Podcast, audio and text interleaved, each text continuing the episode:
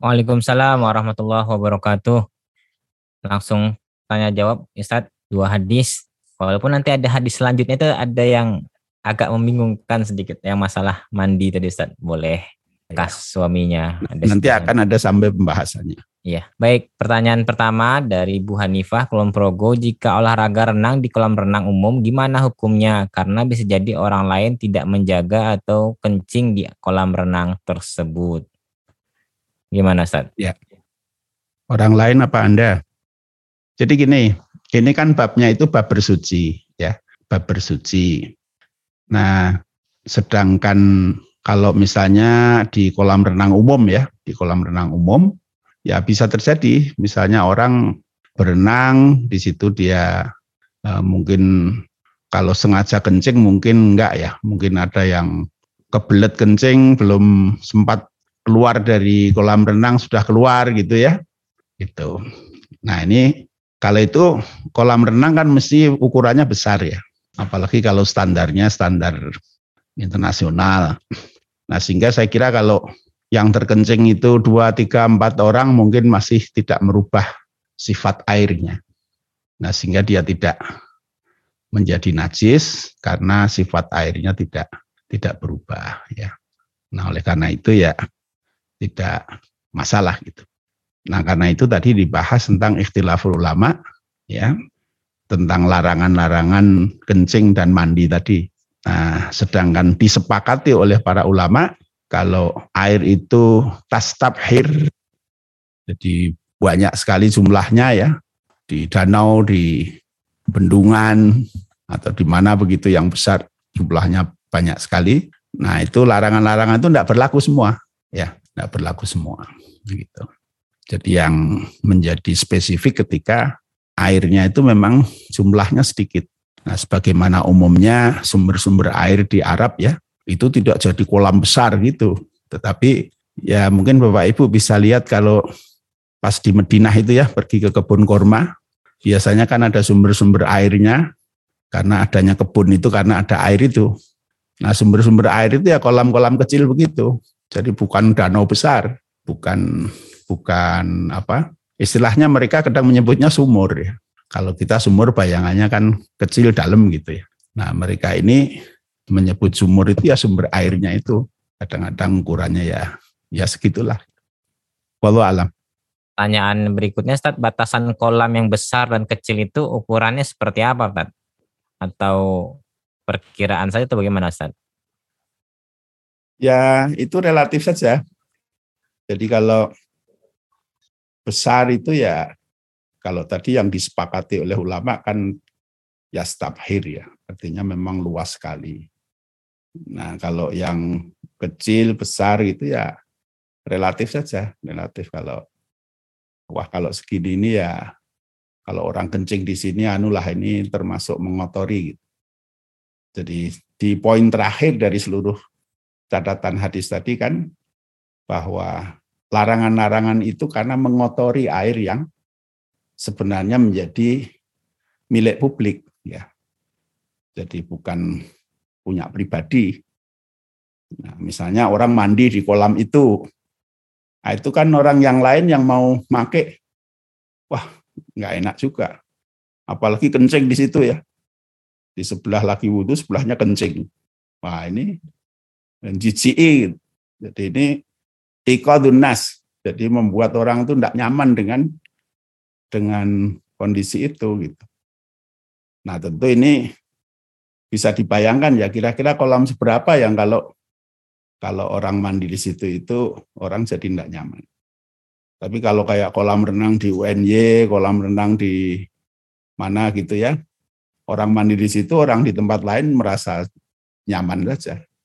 Tapi kalau nah itulah relatifnya di situ tidak ada ukuran yang yang pasti, tetapi prinsip dilarangnya itu karena membuat orang lain tidak nyaman ketika air itu dipakai untuk mandi di tempat itu atau air itu dikencingi di tempat itu. Nah, orang lain yang nanti datang akan ngambil air untuk minum, akan ngambil air untuk kepentingan yang lain menjadi jijik gitu. Nah, itulah sebab dilarangnya perbuatan tadi. Nah, saya kira ini relatif ya, wallahualam. Oke, Ustaz. Pertanyaan dari Pak Supri, Masjid Jami zaman dulu rata-rata punya kolam besar yang dijadikan sebagai tempat mandi dan wudhu. Apa seperti ini ukuran kolamnya? Nyambung ukuran kolam lagi nih, Ustaz. Ini yang mana? Ya, dulu di beberapa masjid-masjid di kampung ya, biasanya kan memang sumber air wudhu itu ada yang berupa padasan, Mungkin kalau sebagian kita tahu, sebagian kita tidak tahu ya, mohon maaf. Padasan itu ada yang dari bambu, diisi dari sumur, kemudian ada lubangnya di ujung ya. Nah kalau itu aman, jadi tidak akan masalah dengan najis-najis ya, karena airnya mengalir setelah dipakai keterbuang. Nah ada juga sumber-sumber tempat wudhunya itu kolam. Jadi orang buat masjid itu di dekat sumber air. Dekat sumber air karena kepentingan dari masjid itu memang untuk bersuci, wudhu dan lain-lain. Nah sehingga di dekat-dekat sumber air itulah orang kemudian membuat masjid. Nah sumber airnya kalau zaman dulu kan alami saja. Jadi ada sumber air di bawah pohon besar, ada jadi kolam gitu ya. Nah kemudian eh, di situlah orang bersuci, berwudu dan sebagainya. Nah, ini sama dengan pertanyaan tadi. Jadi kolamnya itu ini kolam besar apa kecil ya itu relatif ya. Jadi kalau orang tidak nyaman kalau misalnya tempat itu untuk mandi ya jangan untuk mandi atau apalagi dikencingi ya. Nah itu habis dikencingi untuk kumur-kumur wah masya Allah ya ini sesuatu yang menjijikkan. Tapi saya kira perilaku itu sekarang sudah sudah jarang kita temui. Wallah alam. Pertanyaan berikutnya Ustaz, mohon izin tanya Ustaz, sebetulnya yang tidak boleh itu bersuci dengan bekas air atau sisa air. Bekas air yang telah dipakai bersuci maksud saya. Kalau di hadisnya ini sisa, ya fadli itu sisa, bukan bekas sisa. Jadi bisa saja di dalam sisa itu ya campur-campur dengan bekasnya. Misalnya orang wudhu di ember ya, ngambil wudhu untuk cuci muka. Mungkin sebagian dari bekas cuci mukanya itu akan masuk kembali ke ember. Ya. Kemudian cuci tangan di situ. Mungkin bekas dari cuci tangannya itu akan masuk kembali ke ember. Gitu ya. Dan seterusnya. Nah, terlepas apakah itu sisa murni ataukah itu campur dengan dengan bekas-bekas ya. Nah, itulah yang dilarang. Fadli tadi. Nah, nanti akan ada bab pembahasan khusus tentang istiqmal, mustakmal ya. Air mustakmal tadi disampaikan oleh Syekh Al-Basam. Nanti akan ada pembahasan khusus tentang air mustakmal itu. Nah, kalau bekas itu yang dikenal dengan istilah air mustakmal. Ya, jadi air yang sudah dipakai untuk bersuci. Jadi misalnya kita berwudhu, airnya kita tampung. Jadi air bekas wudhu kita ini kita tampung. Pertanyaannya, air ini suci enggak? Suci. Karena tidak dipakai menghilangkan najis. Ya. Muka kita suci, tangan kita suci, kaki kita suci gitu ya. Maka air suci yang kita pakai mencuci muka yang suci, mencuci tangan yang suci, mencuci kaki yang suci, ini tidak menjadi najis. Pertanyaannya, apakah air bekas wudhu kita ini boleh dipakai lagi untuk berwudhu? Nah ini namanya bab tentang mustakmal. Mustakmal artinya yang sudah digunakan. Jadi apakah air yang sudah digunakan untuk bersuci, dia tetap suci ya? Apakah dia masih mensucikan apa tidak? Nah, ini nanti akan ada pembahasan khusus air mustamal. Nah, itu yang disebut bekas ya. Tapi kalau fadlun itu sisa. Jadi mungkin kecampur juga dengan yang mustakmal, mungkin juga dia tidak kecampur dengan yang mustakmal. Karena itu kalau mau wudhu dengan ember, tidak dilarang, silahkan. Tapi kalau suami istri mau wudhu di ember, bareng saja. Ngambil bareng ya, wudhu bareng. Bukan suami selesai baru istrinya di ember yang sama, tidak. Tapi bareng saja. Wallahualam. Baik, Ustaz. Jadi kalau di terjemahnya itu sisa bekas Ustaz. Ya, Fadli itu artinya bekas. Betul kan tadi maksudnya sisa ya. Pertanyaan berikutnya Ustaz.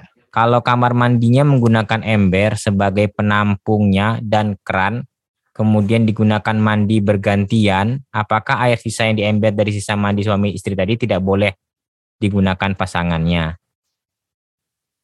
Ya, kalau suaminya atau istrinya kan tidak mandi di ember ya. Tapi biasanya kan dicidui. Dicidui gitu ya. Jadi air yang di ember itu diusahakan memang tidak tidak apa namanya tidak tidak campur-campur dengan yang dipakai oleh suami itu. Tapi yang paling aman ya kalau seorang mandi di ember, sehabis mandi itu sisanya buang saja. Nanti yang berikutnya mandi dia mengalirkan air yang baru. Itu yang tidak menimbulkan syak ya. Jadi pasti bahwasanya yang dia mandi selesai sisa-sisanya dia buang, kemudian nanti orang yang berikutnya mau mandi dia akan mengambil air yang baru lagi.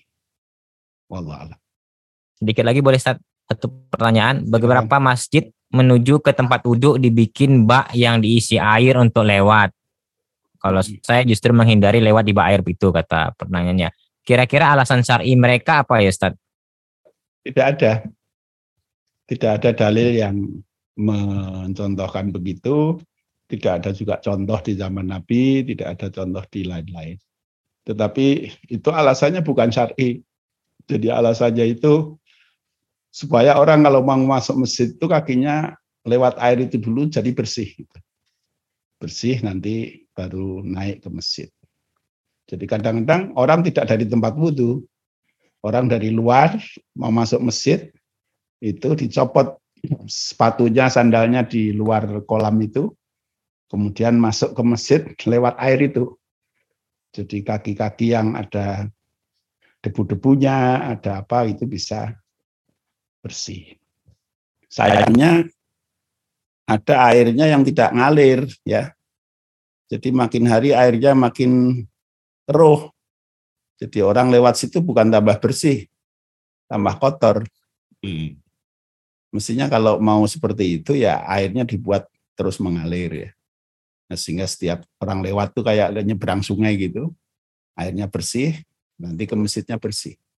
Nah, masjid-masjid kayak Kauman ya, itu asalnya kan ada itu.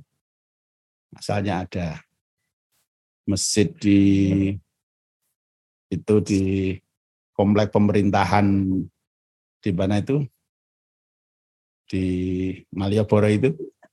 Nah itu kan begitu juga. Jadi ada dari luar itu masuk nyebrang dulu supaya kaki orang bersih. Tapi kalau lihat airnya kotor orang lewat sampingnya. Supaya tidak tidak malah kotor gitu ya. Jadi kalau dasar syar'inya tidak ada. Tidak ada perintahnya, tidak ada contohnya, tetapi juga tidak ada larangannya, jadi ya boleh saja. Cukup Ustaz, sudah setengah sembilan. Ada Baik. penutup Ustaz. Terima kasih, mudah-mudahan kalau ada catatan-catatan, ada masukan-masukan silahkan disampaikan ya. Jadi kita berharap eh, ngaji kita ini bisa tidak berdele-dele tetapi mudah dipahami. Kita jadi mengerti kadang-kadang kan hal-hal sepele seperti ini tidak tidak biasa kita perhatikan. Ternyata tuntunan agama kita ini sangat lengkap ya, sampai hal-hal yang kecil-kecil kita diajari oleh Rasulullah SAW tentang bagaimana seharusnya kita sehari-hari ini melaksanakan aktivitas kita. Bila itu Assalamualaikum warahmatullahi wabarakatuh.